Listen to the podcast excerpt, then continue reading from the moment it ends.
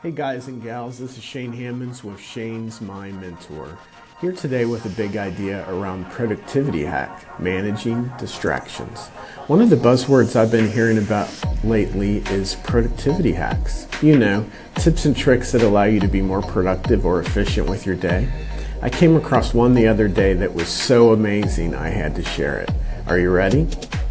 Put your phone down. Yep, I said it. P.S. I'm talking to myself too, so don't send that hate mail just yet. A big productivity hack is just managing your distractions. A few social media scrolls, comments, texts, direct messages, and or Pinterest pins can be a huge time suck. Before pride sets in, it's probably more of an issue than you think, so let's not pass judgment on others just yet. For the past week, I've been doing a little trick to help me manage my phone distractions. I put it away from me, out of arm's reach, so I can focus and execute against my to do list. Guess what? I didn't die. Seriously, it's been really helpful. Reinvest time today in something of redeemable value. It's totally worth it. Hey guys, this is Shane Hammonds again with Shane's My Mentor.